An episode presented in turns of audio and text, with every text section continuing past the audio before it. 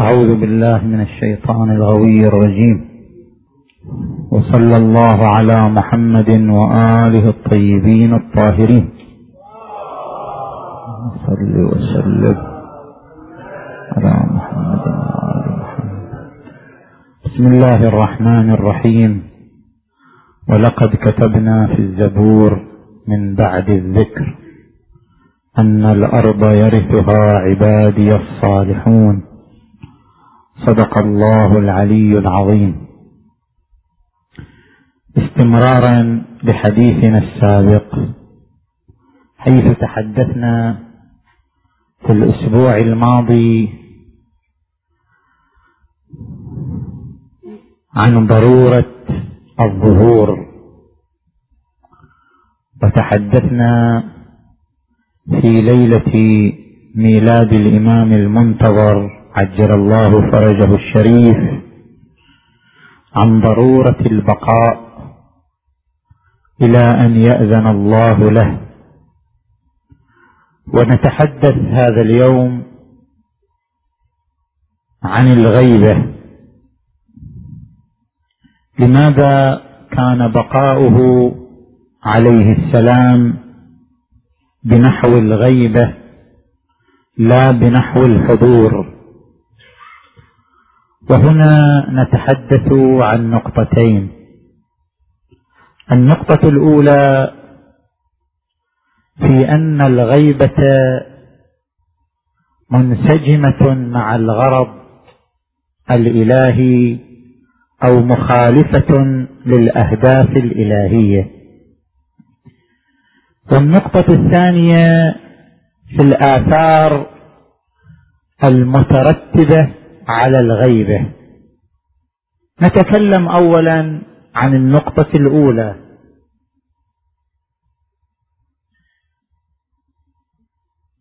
استدل الإمامية علماء الإمامية استدلوا على وجوب نصب الإمام بقاعدة تسمى بقاعدة اللطف.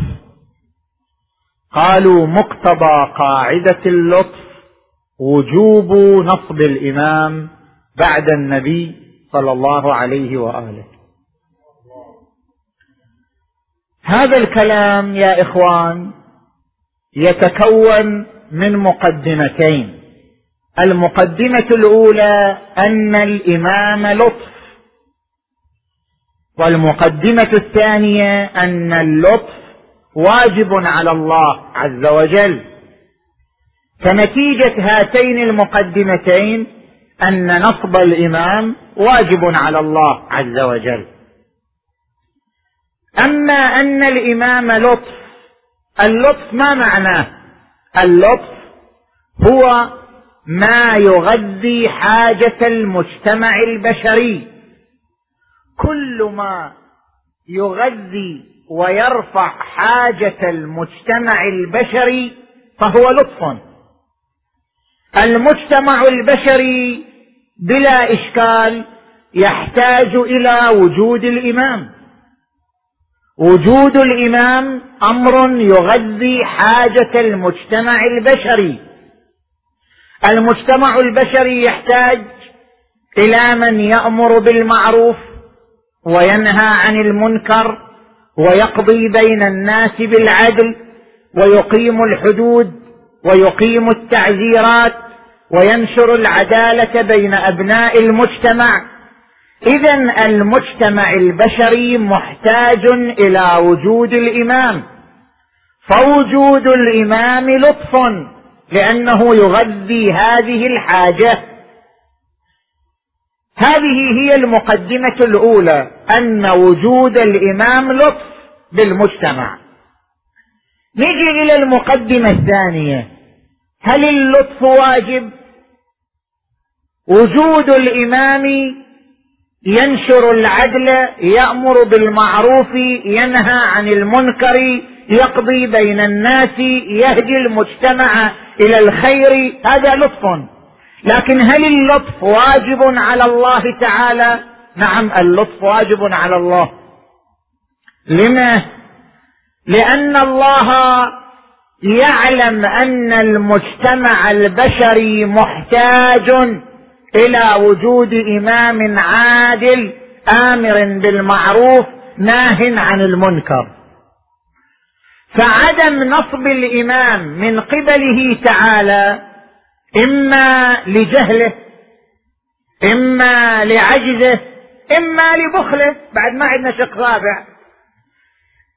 عدم نصب الإمام مع أن المجتمع محتاج إلى الإمام لماذا؟ ما هو السبب في عدم نصب الإمام؟ يعني عدم علم الله عز وجل بالحاجة هذا جهل والله منزه عن الجهل. إذا كان يعلم بحاجة المجتمع البشري لوجود الإمام عدم نصبه للإمام لعجزه لأنه لا يقدر على أن ينصب إماما للناس. الله سبحانه وتعالى منزه عن العجز. اذا إذا كان عالما بحاجة المجتمع وقادرا على تلبية هذه الحاجة بنصب الإمام فعدم نصبه للإمام عدم جود منه وعدم تفضل منه هذا بخل. والله منزه عن البخل.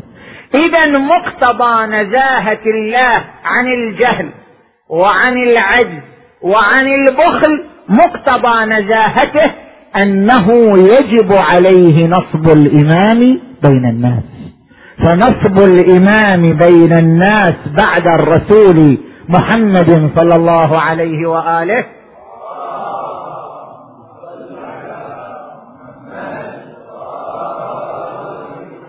واجب على الله لأنه لطف كما شرحنا ذلك. هكذا استدل الإمامية على ضرورة نصب الإمام بعد النبي. هذا هو استدلال الإمامية. هنا يا إخوان يرد السؤال يطرح السؤال. لاحظوا السؤال بدقة. السؤال يقول بناء على التصوير الذي ذكرتموه للاستدلال نقول غيبة الإمام نقض للغرض ونقض الغرض قبيح. والقبيح محال على الله تبارك وتعالى. كيف ذلك؟ قلنا بأن الغرض من نصب الإمام والهدف من نصب الإمام أن الإمام يأمر بالمعروف يقضي بين الناس يبلغ الأحكام الشرعية. أليس هذا هو الغرض؟ هذا هو الغرض. هذا الغرض لا يمكن تحصيله مع غيبة الإمام. لو كان الإمام حاضرا بين الناس لقام بالغرض. لو كان الإمام موجودا بين أظهر الناس يرونه ويعرفونه ويراهم ويعرفهم لكان وجوده محققا للغرض. أما إذا كان غائبا فغيبته ناقضة للغرض. يعني غيبته تماما عكس الهدف عكس الغرض لأنها محققة للغرض. الغرض والهدف من نصب الإمام إقامة العدالة. غيبته تمنع عن إقامة العدالة لأنه ما لم يكن حاضرا بين الناس فهو غير قادر على إقامة العدالة والأمر بالمعروف والنهي عن المنكر. اذا الإمام نقض للهدف ونقض الهدف قبيح. لماذا نقض الهدف قبيح يعني انت الآن مثلا تقوم تأسس مسجد تمام؟ لو لا سوي مسجد. ما هو غرضك من هذا المسجد؟ غرضي من هذا المسجد أن يتعبد الناس فيه لله. فلو قمت أنت وفتحت غرفة في المسجد لأجل النجارة والحدادة خليت فيها نجار ولا حداد؟ طول الوقت ينجر أو يحدد. هذا يعد شنو؟ نقضا للغرض. الغرض من المسجد التعبد ووجود دار للنجارة أو الحدادة في وسط المسجد. ينافي الغرض وينقض الغرض ونقض الغرض قبيح. فيقبح منك أن تجعل ما ينقض غرضك. الله تبارك وتعالى لماذا ينصب الإمام؟ نصب الإمام بغرض إقامة العدالة. الغيبة تنقض هذا الغرض. كون الإمام غائبا نقض للغرض. ونقض الغرض قبيح والقبيح محال على الله تبارك وتعالى. اذا من المحال مسألة الغيبه هكذا السؤال المطروح. السؤال المطروح على الإمامية فكرة الغيب أصلا فكرة محال. فكرة الغيبية فكرة الغيب أصلا فكرة قبيحة يرفضها العقل. فكرة الغيب نقض للغرض من نصب الإمام. ونقض الغرض محال على الله. فإذا هذه الفكرة في حد ذاتها أمر محال. لا يمكن صدوره من الله عز وجل بأن ينصب إماما غائبا بأن ينصب إماما مستورا عن الأعين. هذه الفكرة أمر محال في حد ذاته. فكيف تقولون بها؟ لاحظتم السؤال؟ الآن نحن نأتي للإجابة عن هذا السؤال. الجواب عن هذا السؤال بوجهين. الوجه الأول الغرض من نصب الإمام أي إمام كان ليس هو الأمر بالمعروف والنهي عن المنكر. مسؤولية الأمر بالمعروف والنهي عن المنكر تجب على كل الناس وجوبا كفائيا ولتكن منكم أمة يدعون إلى الخير ويأمرون بالمعروف وينهون عن المنكر. الغرض من نصب الإمام ليس هو تبليغ الأحكام الشرعية والقضاء بين الناس وإقامة الحدود والتعزيرات هذه وظيفة الفقهاء. وظيفة الفقهاء في عصر الغيبه القيام بهذه الأمور كما ورد عن الإمام المنتظر عجل الله فرجه الشريف فأما الحوادث الواقعة فارجعوا فيها إلى رواة حديثنا يعني الفقهاء فإنهم حجتي عليكم وأنا حجة الله. اذا الغرض من نصب الإمام ليس هذا ولا هذا. حتى يقال بأن هذا الغرض لا يتحقق مع غيبة الإمام. الغرض من نصب الإمام يا إخوان أمران. التفتوا إليهما. الأمر الأول مسألة الشهادة على أعمال الخلائق. أن يكون شهيدا على أعمال الخلائق. اقرأ الآية التي وردت في عيسى بن مريم عليه وعلى نبينا وآله أفضل الصلاة والسلام. عيسى بن مريم كان إماما لأن الرسل كانوا أئمة أولو العزم كانوا أئمة. وكنت شهيدا عليهم ما دمت فيهم فلما توفيتني كنت أنت الرقيب عليهم. يعني الهدف من وجودي بينهم هو الشهادة على أعمالهم والشهادة على أفعالهم. الغرض من نصب الإمام هو أن يقوم بالشهادة. الآية المباركة التي تخاطب النبي محمدا صلى الله عليه وآله.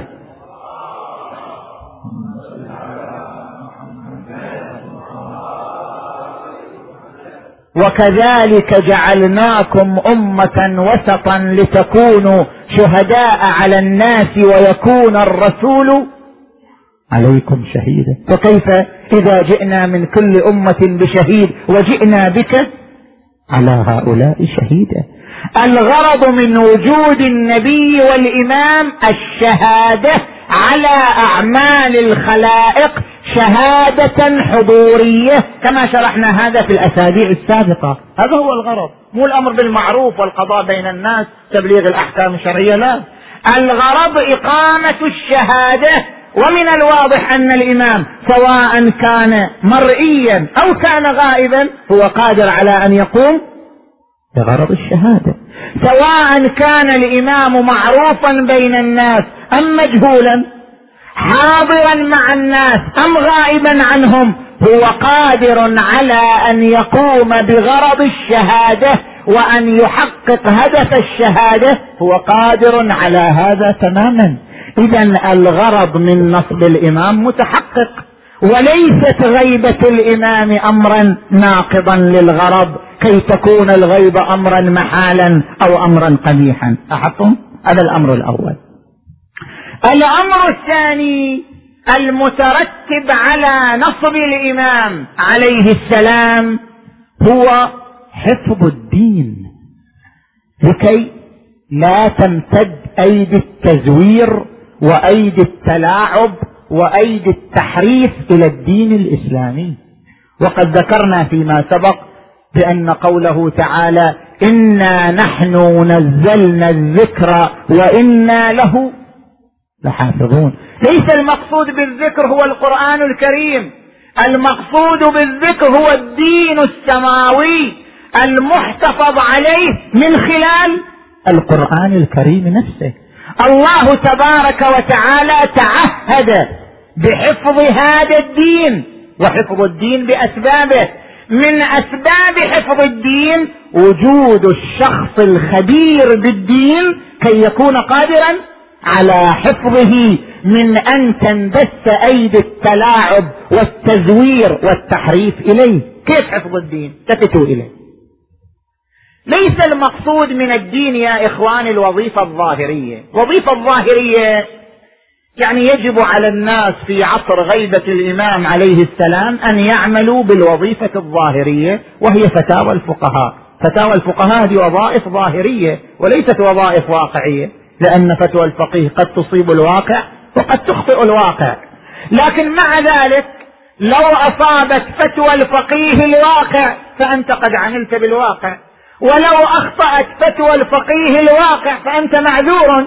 ما دام الأئمة أمرونا باتباع فتاوى الفقهاء أصابوا أم أخطأوا؟ فنحن معذورون عند الخطأ. كما ورد عنهم عليهم السلام لا ينبغي لأحد من شيعتنا التشكيك فيما يرويه عنا ثقاتنا قد علموا أنا نفاوضهم سرنا. يعني لا ينبغي التشكيك في مرويات الفقهاء وما يمليه الفقهاء. وظيفتكم العمل بفتاوى هؤلاء وأنتم معذورون. فأما الحوادث الواقعة فارجعوا فيها إلى رواة حديثنا فإنهم حجتي عليكم وأنا حجة الله.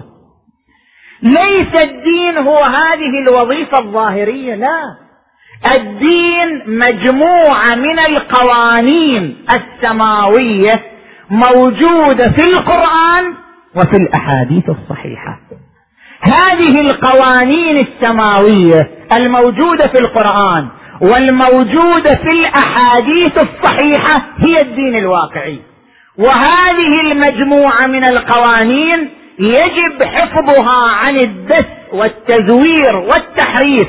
من المتكفل بحفظها؟ المتكفل بحفظها هو من كان عارفا بها. من لا يعرف هذه القوانين الواقعية الموجودة في الكتاب والأحاديث الصحيحة لا يمكنه حفظها. من عرف هذه القوانين أهل البيت أدرى بما فيه. قتادة دخل على الإمام الباقر عليه السلام. قتادة كان من فقهاء البصرة.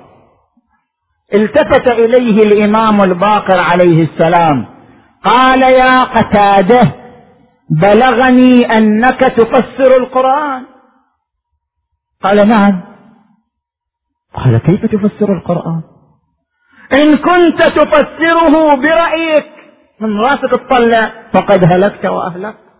وإن كنت تفسره بآراء الرجال فقد هلكت وأهلكت. إنما يعرف القرآن من خوطب به.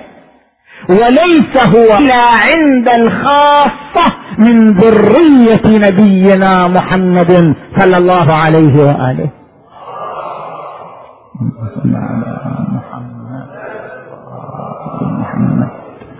وما ورثك الله من كتابه حرفا. حرف أنت ما تقدر تفسر وما ورثك الله من كتابه حرفا. معرفة القرآن معرفة واقعية. معرفة الأحاديث الصحيحة معرفة واقعية. أمر لا يتأتى لا لفقيه ولا لغير فقيه. لا يتأتى إلا لمن خوطب بهذا القرآن. ومن خوطب بهذه الأحاديث الصحيحة ألا وهو الإمام القائم؟ ألا وهو الإمام المعصوم؟ اذا بالنتيجة الغرض من نصب الإمام حفظ الدين الدين الواقعي ها. والدين الواقعي لا يمكن حفظه إلا لمن كان عارفا به. والعارف بالدين الواقعي هو الإمام الذي تلقى مواريث النبوة وكتب الأنبياء وكتب الأئمة ووصلت إليه العلوم الواقعية يدا بيد فهو الوحيد القادر على حفظ الدين. دون غيره. لذلك وردت عندنا روايات من مات عن النبي محمد صلى الله عليه وآله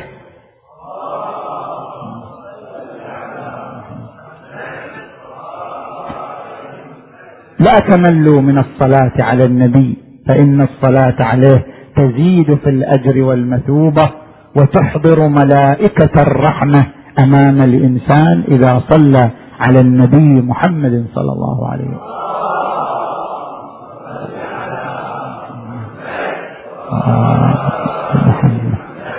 إذا فبالنتيجة الغرض حفظ الدين وحفظ الدين يتوقف على المعرفة والمعرفة غير موجودة إلا عند إمام الزمان.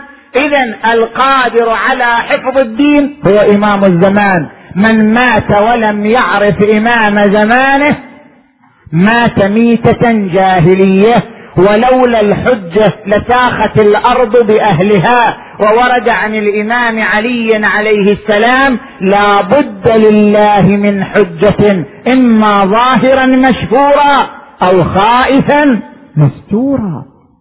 فهو الذي يقوم بحفظ الدين. يسأل واحد شلون يقدر يحفظ الدين وهو غائب؟ يحفظ الدين من خلال الاتصال بمواقع القرار. الأمة الإسلامية فيها مواقع قرار فيها قيادات فيها علماء فيها مراجع فيها وجهاء كل شخص له نفوذ في الأمة الإسلامية وتأثير في الأمة الإسلامية فهو موقع من مواقع القرار. الإمام قادر على حفظ الدين من خلال اتصاله بمواقع القرار. من خلال الاتصال بطريقة مباشرة أو بغير مباشرة. المهم أن واجبه حفظ الدين فلا بد أن يقوم به من خلال الاتصال بمواقع القرار مباشرة أو بواسطة من أجل حفظ الدين وإقامة هذا الغرض. الآن أنتم انظروا. الصحوة الإسلامية تنمو الوجود الإسلامي يكبر ظاهرة التشيع تقوى وتكبر وتمتد إلى أرجاء الأرض ظاهرة من هو مخلص للدين ومن هو باذل للدين تقوى وتكبر يوما بعد يوم. هذا دليل على ماذا؟ مع وجود هذه الحرب الشرسة ضد الدين والدين يقوى. ويزداد نموا ويزداد قوة. كاشف عن ماذا؟ كاشف عن وجود تصرفات غيبية خفية يقوم بها المسؤول عن هذه التصرفات من أجل حفظ الدين ومن أجل حفظ هيبته ومن أجل حفظ مكانته ومن أجل حفظ قوته ألا وهي تصرفات المولى صاحب الأمر عجل الله فرجه الشريف. ولولا أننا ولولا أنتم تحت رعايتنا لاصطلمت بكم اللأواء وأحدقت بكم الأعداء وإنا لنحضر أفراحكم واتراحكم ولا يعزب عنا شيء من أخباركم. اذا فبالنتيجة هذا السؤال مو وارد. أن الغيب نقض للغرض؟ لا الغيب ليست نقضا للغرض. الغرض حفظ الدين وهو قادر على أن يقوم به غائبا أم حاضرا؟ الغرض الشهادة على أعمال الخلق وهو قادر على أن يقوم به غائبا أم حاضرا؟ فلا معنى لهذا السؤال. الجواب الثاني عن هذا السؤال التفتوا يا إخوان. الغيبة ليست مخطط سماوي وإنما هي عمل بشري. والعمل البشري لا يكون نقضا للغرض السماوي. كيف؟ الآن مثلا أضرب لك مثال. ما هو الهدف من نصب الإمام علي للإمامة؟ أو الغرض من نصب الإمام علي للإمامة؟ أن يقيم الدولة الإسلامية العادلة. هذا المخطط السماوي لو لا. لكن ماذا حصل على الأرض؟ المخطط السماوي هو أن الهدف من نصب علي إقامته للعدالة. لكن هل هذا المخطط السماوي حصل على الأرض؟ ما حصل على الأرض. ما الذي حصل على الأرض؟ بمجرد تولى الخلافة قام عليه الناكثون والقافطون والمارقون من كل حدب وصوب. حروب دامية خمس سنوات ما اعطت الإمام الفرصه الكافية لتحقيق الدولة الإسلامية العادلة. إلى أن قتله الخوارج في محرابه من أجل أن لا يعطى الفرصة لإقامة الدولة الإسلامية العادلة. اذا هل هذا نقض للغرض؟ هل يستطيع إنسان يقول خب اذا الغرض السماوي راح. فما هو الغرض اذا من نصب علي للخلافة؟ هذا نقض للغرض ونقض الغرض قبيح. ليست حرب علي مخططا سماويا وليس قتل علي مخططا سماويا. ما خططت له السماء هو أن يبقى علي لكي يقيم العدالة. ولكن ما صنعه البشر رفضا لمخطط السماء هو حرب علي وقتله. اذا بالنتيجة الجناية البشرية لا تعد نقضا للغرض السماوي. المخطط السماوي قد يكون على شيء وتكون الجناية البشرية على شيء آخر. قد يكون العمل الأرضي مخالفا للمخطط السماوي. وهذا لا يعني نقض الغرض من السماء. لا. الآن مثلا الله تبارك وتعالى بعث نبيه نبي الرحمة. لماذا؟ ليظهر على الدين كله. هو الذي أرسل رسوله بالهدى ودين الحق ليظهره على الدين كله. جاء بنو أمية ومسخ الدين من أصله. وجاء بنو العباس وتابعوا المسيرة في تشويه الدين ومسخه. يعني أن المخطط السماوي كان نقضا للغرض ونقض الغرض قبيح. ما خططت له السماء شيء وما جنى به البشر شيء آخر. أحيانا جناية البشر تقف أمام مخطط السماء. الله تبارك وتعالى عندما نصب محمد المهدي أجل الله تعالى فرجه الشريف نصبه اماما بعد أبيه الحسن العسكري. ما كان الغرض من نصب أن يغيب. الغيبة ليست مخطط سماوي. كان الغرض من نصبه إماما أن يبقى حاضرا بين الناس ويقوم بتحقيق أهداف الإمامة وهو حاضر بين الناس إلا أن الجناية البشرية صارت على عكس مخطط السماء. هرم الظالمون عليه؟ فاستتر خوفا من الظالمين ولم تقم الأمة الإسلامية بنصرته والدفاع عنه. ولو أن الأمة الإسلامية وقفت إلى جنبه يوم هجوم الظالمين عليه ما تغيب الإمام. الإمام لم يتغيب لأن الله أمره بالغيبة لا الغيبة ما أمره الله بها. الله أمره كإمام أن يكون كسائر الأئمة. سائر الأئمة الغرض أن يبقوا حاضرين بين الناس ويقيمون العدالة بين الناس. ويوصلون الناس إلى الهداية وجعلناهم أئمة يهدون بأمرنا لما صبروا وكانوا بآياتنا يوقنون. الغرض هو الهداية لكن البشر إذا رفضوا هذا المخطط السماوي فقالوا لا نريد هجم الظالمون على الامام وطلب الإمام النصرة من الأمة الإسلامية فلم تكن مستعدة ولا حاضرة لبذل النصرة وللوقوف معه حتى يقف حاضرا ويقيم غرض الهداية كما ذكر في القرآن الكريم. فهذا عمل إلهي أو تقصير بشري؟ تقصير بشري. إذا نتيجة الكلام أن الغيبة ليست مخطط سماوي.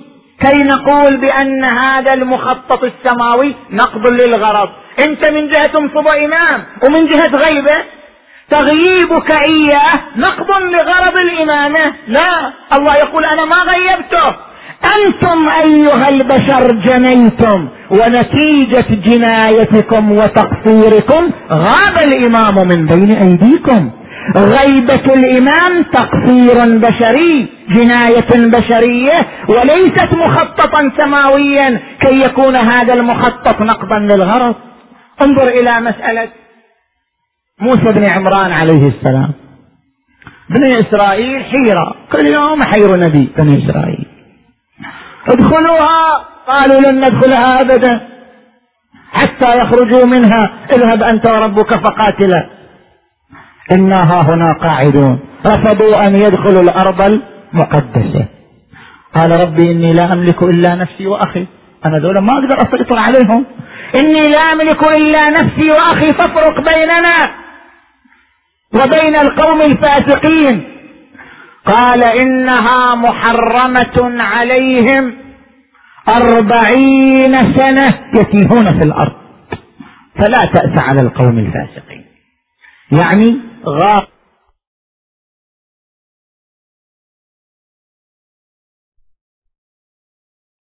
فلا تأس على القوم الفاسقين.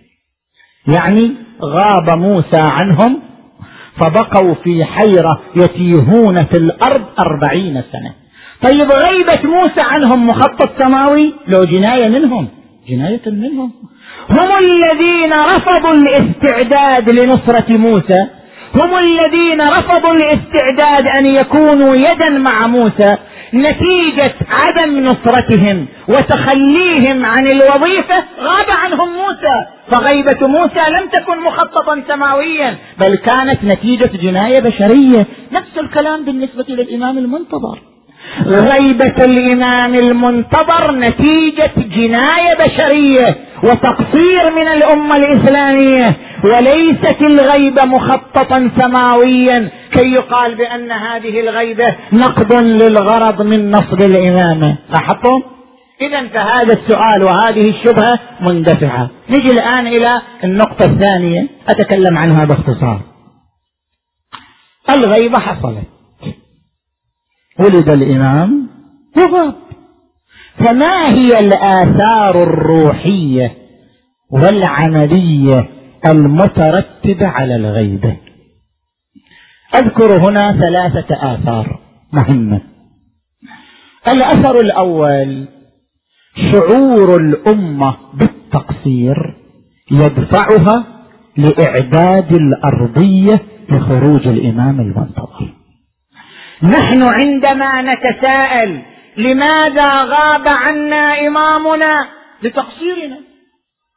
لو أننا نملك الأرضية الصالحة لخرج اليوم قبل غد. لو أننا نملك الأرضية الصالحة لنصرته لخرج اليوم قبل غد. الإمام تحتاج يحتاج إلى قاعدة. شعبية عريضة مخلصة مضحية باذلة. تعرف الإمام حقه وتعرف معنى الإمامة ومعنى طاعة الإمام. يا إخوان لو وجدت قاعدة شعبية تملك تملك الخصائص خصائص التضحية خصائص البذل خصائص الإخلاص خصائص الفناء والذوبان والانصهار في الإمام عليه السلام لو وجدت هذه القاعدة لظهر الإمام عليه السلام. لا مانع من ظهوره إلا عدم استعداد القاعدة وعدم تهيئة القاعدة. فشعور الناس بغيبة الإمام نتيجة لتقصيرهم في إعداد الأرضية الصالحة يكون سببا في اندفاعهم. لماذا؟ لتهيئة هذه الأرضية لإيجاد النخبة المخلصة المضحية الباذلة حتى إذا وجدت وتهيأت هذه الأرضية. ظهر الإمام عليه السلام. إذا هذا أثر من آثار الغيبة.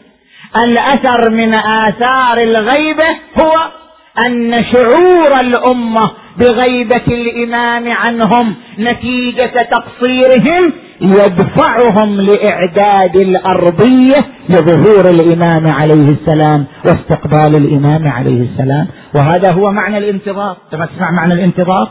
ورد عن الرسول محمد.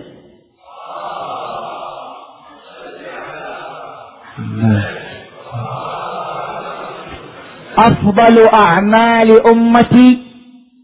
انتظار الفرج. ما معنى انتظار الفرج؟ يعني الحولقة نقول لا حول ولا قوة إلا بالله. اللهم عجل فرج هو الانتظار. الانتظار بمفهومه الإيجابي لا بمفهومه السلبي. الانتظار بمعنى إعداد الأرضية.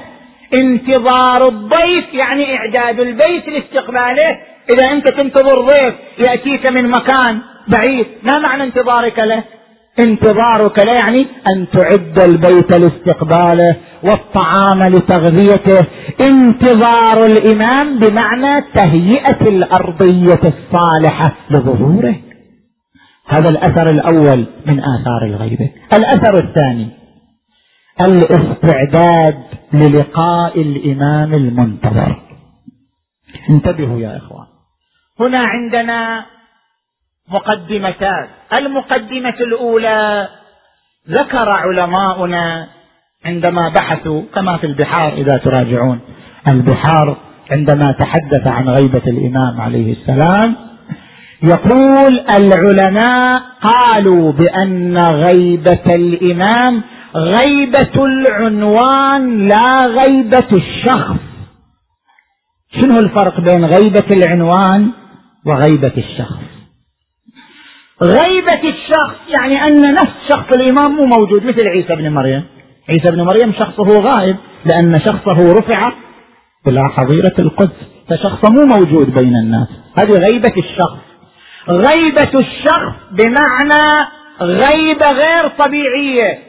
الشخص يرفع من الأرض يرفع من بين أظهر الناس وأيدي الناس إلى مكان آخر. هذه تسمى بغيبة الشخص وهي غيبة إعجازية وغير طبيعية. غيبة الإمام المنتظر ليست هكذا. غيبة الإمام المنتظر غيبة العنوان وليست غيبة الشخص. يعني الإمام المنتظر موجود مع الناس ما رفع شخصه. الإمام المنتظر يعيش مع الناس.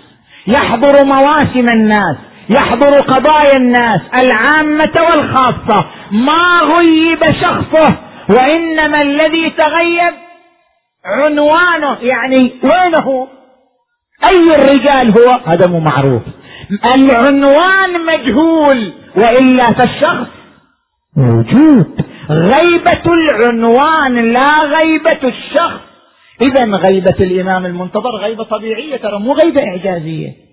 الإمام المنتظر يحافظ على خفائه هو اللي يحافظ على خفائه. حفظ شخصي حفظ عادي حفظ طبيعي. هو الذي يحافظ على بقائه. من خلال تغيير الاسم تغيير العنوان تغيير المكان تغيير طرق الاتصال تغيير نوع الارتباط بالبشر. كلما مرت فترة عليه غير مكانه غير عنوانه غير طريقة اتصاله غيبته غيبة عنوانية غيبة طبيعية. هو الذي يقوم بحفظ نفسه عن أعين الظالمين. وإلا لو غيبة الإمام غيبة إعجازية ما نحتاج ندعو للإمام المنتظر بعد. لكننا ندعو لش نقول؟ اللهم كن لوليك الحجة ابن الحسن صلواتك عليه وعلى آبائه في هذه الساعة وفي كل ساعة شنو؟ وليا وحافظا. ندعو له بالحفظ. لو كان مغيب كعيسى ما نحتاج ندعو له. ما نحتاج نقول اللهم احفظ عيسى ابن مريم. يقضى بعد أحسن ما كان قاعد في حظيرة القدس وبين الملائكة وما صاير عليه شيء ولا شيء عيسى ابن مريم. عدلنا ولا إنما ندعو بالحفظ لأن غيبته غيبة طبيعية عادية. هو الذي يقوم بحفظ نفسه عن الأخطار وهو الذي يقي جسمه من الأمراض وهو الذي يحفظ بقاءه عن التلف والضياع هو مسؤول عن حفظ نفسه. لذلك نحن ندعو الله فنقول اللهم احفظه عن يمينه وعن شماله ومن بين يديه ومن خلفه وحفه بملائكتك الدعاء له بالحفظ. معناه أن غيبة غيبة طبيعية. غيبة العنوان لا غيبة الشخص. لاحظتم؟ هذه المقدمة الأولى. المقدمة الثانية. إذا كان الإمام حاضرا بيننا وغيبته غيبة عنوان. اذا الاتصال به أمر ممكن. اذا الاتصال به أمر ميسور وأمر ممكن. فقد يتصل أحدنا بالإمام من حيث لا يشعر. قد يختلط بالإمام ويتحدث مع الإمام والإمام يوصل له بعض الأفكار الصالحة من حيث لا يشعر. قد يوصل له بعض الأمور التي يهديه بها من حيث لا يشعر. اتصالنا بالإمام اتصال ميسور وممكن. إنما نحن كلنا نريد أن نعرف العنوان. هل هذا هو الإمام؟ أم غيره؟ كيف ذلك؟ الإمام يعلمنا الطريق. لولا ذنوب شيعتنا لرأونا رأي العين. ما في حاجز بيننا وبينهم. عثمان ابن سعيد العمري أحد سفراء الإمام السفير الأول للإمام يقول عثمان بن سعيد العمري يقول إن صاحب هذا الأمر والله إن صاحب هذا الأمر يعني الإمام ليحضر الموسم كل سنة يعني الحج يحضر كل سنة. وإن الناس يرونه ويراهم ويعرفهم ولا يعرفونه. هو موجود بينهم لكنهم لا يعرفون أن هذا الشخص هو الإمام المنتظر عجل الله فرجه الشريف. اذا إذا أردت أن تلقى الإمام يعني أن تعرفه باسمه وعنوانه فالطريق واضح. لولا ذنوب شيعتنا لرأونا رأي العين. التخلص من الذنوب والمعاصي يفتح الطريق الواضح أمام رؤية الإمام بعنوانه وبشخصه. قد يقول الإنسان شنو الأثر للقاء؟ وزين التقيت بالإمام وش بسوي يعني؟ وش بصير يعني لو التقيت أنا بالإمام؟ وش بيترتب لو أنا التقيت بالإمام وأروح أدوخ حالي؟ وإذا التقيت بالإمام وش بصير؟ ماذا يترتب على اللقاء؟ يترتب على اللقاء يا إخوان الهداية الأمرية وجعلناهم أئمة يهدون بأمرنا. أتريد أن تصل إلى الهداية الأمرية؟ أتريد أن تكون مثل سلمان الفارسي وأبي ذر والمقداد وعمار وكميل هؤلاء النخبة الذين لما التقوا بالأئمة حصلوا على أعلى مرتبة من الهداية وهي الهداية الأمرية. أي إنسان لا يرغب في هذا الهدف؟ إذا أردت أن تصل إلى الهداية الأمرية فالطريق إليها لقاء الإمام. والطريق إلى لقاء الإمام رفض الذنوب والتخلي عنها. لولا ذنوب شيعتنا لرأونا رأي العين. وهذا ما في الرواية. الإنسان قد يستغرب الرواية الواردة في تفسير الآية. الآية المباركة ماذا تقول؟ والذين جاهدوا فينا لنهدينهم. سبلنا. في الآية وارد هداية السبيل يعني لقاء الإمام المنتظر. شلون لقاء الإمام المنتظر؟ لأن الآية لاحظوا التعبير دقيق في الآية. لنهدينهم سبل ما قال لنهدينهم إلينا؟ قال لنهدينهم يعني أنت إذا قمت بمجاهدة النفس والذين جاهدوا فينا إذا جاهدت نفسك الأمارة بالسوء تصل إلى ماذا؟ إلى السبيل إلى الله. لنهدينهم سبلنا. ومن هو السبيل إلى الله؟ ما تقرأ أنت في دعاء الندبه فكانوا هم السبيل إليك. والمسلك إلى رضوانك. السبيل إلى الله هم أهل البيت. والهداية إلى السبيل فرع المجاهدة النفسية فرع نبذ الذنوب والمعاصي أن تصل إلى السبيل. إذا الأثر الثاني المترتب على الغيبة هو ماذا؟ هو استعداد الإنسان. مو مثل من ينكر الإمام. اللي ينكر الإمام شنو؟ يقول لك الإمام ما ولد. بعد أن ألتقي وياه من هو ما ولد. من ينكر الإمام لا يحصل على هذا الأثر. صح لا؟ من ينكر وجود الإمام عليه السلام محروم من هذا الأثر. أما من يعترف بوجود الإمام وأنه يمكن لقاؤه وطريق لقائه نبذ الذنوب ومن خلاله يمكن الوصول إلى الهداية الأمرية فالأثر المترتب على الغيبة ما هو؟ الاستعداد للقاء الإمام المنتظر. عجل الله فرجه الشريف.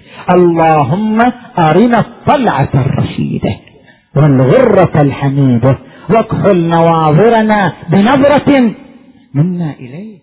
الأثر الثالث والأخير إقامة العلاقة القلبية بينك وبين الإمام.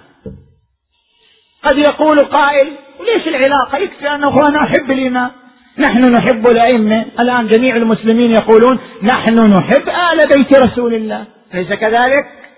فما معنى تقوية العلاقة القلبية؟ لاحظوا يا إخوان هنا أمران الأمر الأول قوله تعالى قل لا أسألكم عليه أجرا إلا المودة في القربى. مودة أهل البيت واجب شرعي واجب سماوي. يجب محبة أهل البيت. فكل طريق يقوي المحبة فهو طريق مطلوب. كل طريق يقوي في قلوبنا محبة أهل البيت طريق مطلوب. إقامة مآتم الحسين تقوي محبة أهل البيت. ذكر فضائل أهل البيت يقوي محبة أهل البيت. أيضا الشعور بغيبة الإمام المنتظر يقوي جانب المحبة والعلاقة القلبية مع الإمام. شوف أنت الآن إذا تشعر بأن عندك شخص غائب. إذا عندك شخص غائب ألا تشتاق إليه؟ إذا كان عندك شخص عزيز غائب ألا يشتد شوقك إلى لقائه؟ ألا يشتد شوقك إلى رؤيته؟ ألا تنمو العلاقة القلبية معه أكثر مما لو كان مفقود؟ لو قيل لك بأن فلان الذي تنتظره مات فقد. والعلاقة القلبية خلاص تبرد وتنتهي. شعورك بأن الإمام معدوم وليس بموجود يطفئ العلاقة القلبية. أما شعورك بأن الإمام غائب وأنت منتظر له عامل من عوامل تقوية العلاقة القلبية وتقوية العلاقة النفسية بينك وبين الإمام.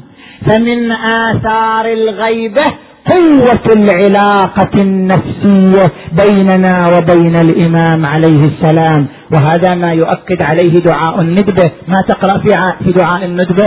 فأغث يا غياث المستغيثين. يعني أنا مشتاق مشتاق تمام الشوق.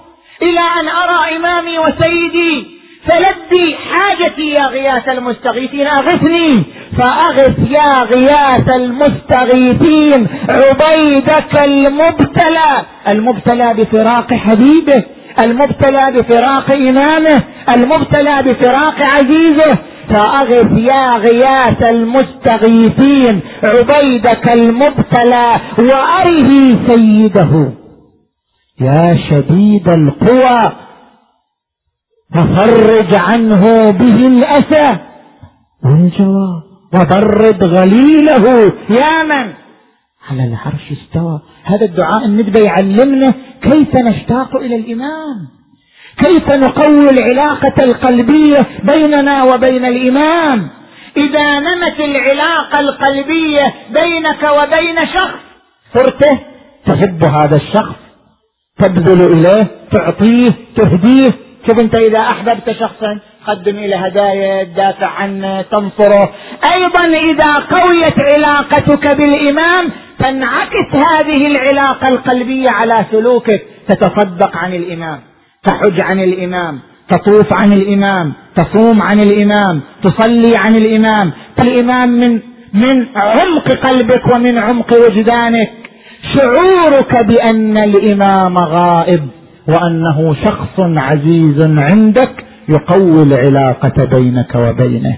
وقوة العلاقة تبعثك إلى الصدقة إلى الحج إلى الطواف إلى الصلاة إلى أي عمل قربي تقوم به وتهدي ثوابه إلى الإمام المنتظر. عجل الله فرجه الشريف كما ورد في الأحاديث الشريفة.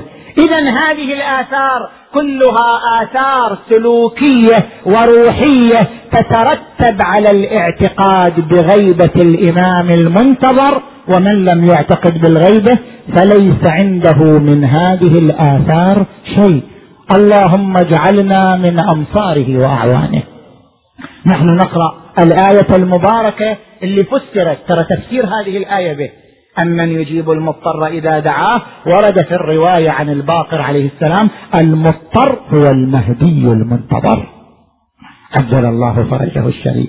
هذه الآية فسرت للإمام المنتظر. عجل الله فرجه الشريف. نحن نقرأ الآية خمس مرات كما هو المستحب بسم الله الرحمن الرحيم. أما يجيب المضطر إذا دعاه ويكشف السوء أما يجيب المضطر إذا دعاه. أما يجيب المضطر إذا دعاه. أما يجيب المضطر إذا دعاه. أما يجيب المضطر إذا دعاه. يا الله يا الله يا الله بالزهراء وابيها وبعلها وبنيها والسر المستودع فيها صلواتك عليهم أجمعين. فرج عنا يا الله. اللهم فرج عن الأسرى يا الله. وشاف المرضى يا الله. واكشف الغمة عن هذه الأمة يا الله. اللهم انصر الإسلام والمسلمين واخذل الكفار والمنافقين. اللهم اللهم كن لوليك حجة بن الحسن. صلواتك عليه وعلى آبائه في هذه وفي كل ساعة وليا وحافظا وقائدا ودليلا حتى تسكنه أرضك وتمتعه فيها وهب لنا رأسته ورحمته ودعاءه. اللهم اجعلنا من أنصاره وأعوانه. والسائرين على دربه وخطاه. يا رب العالمين اللهم أيد علماء الدين العاملين أينما كانوا في مشارق الأرض وفي مغاربها وارحم الماضين منهم سيما شيخنا المقدس الشيخ منصور البواب. رحم الله من يقرأ لروحه ولأرواح علمائنا جميعا وأموات المؤمنين والمؤمنات. الفاتحة تسبقها الصلاة.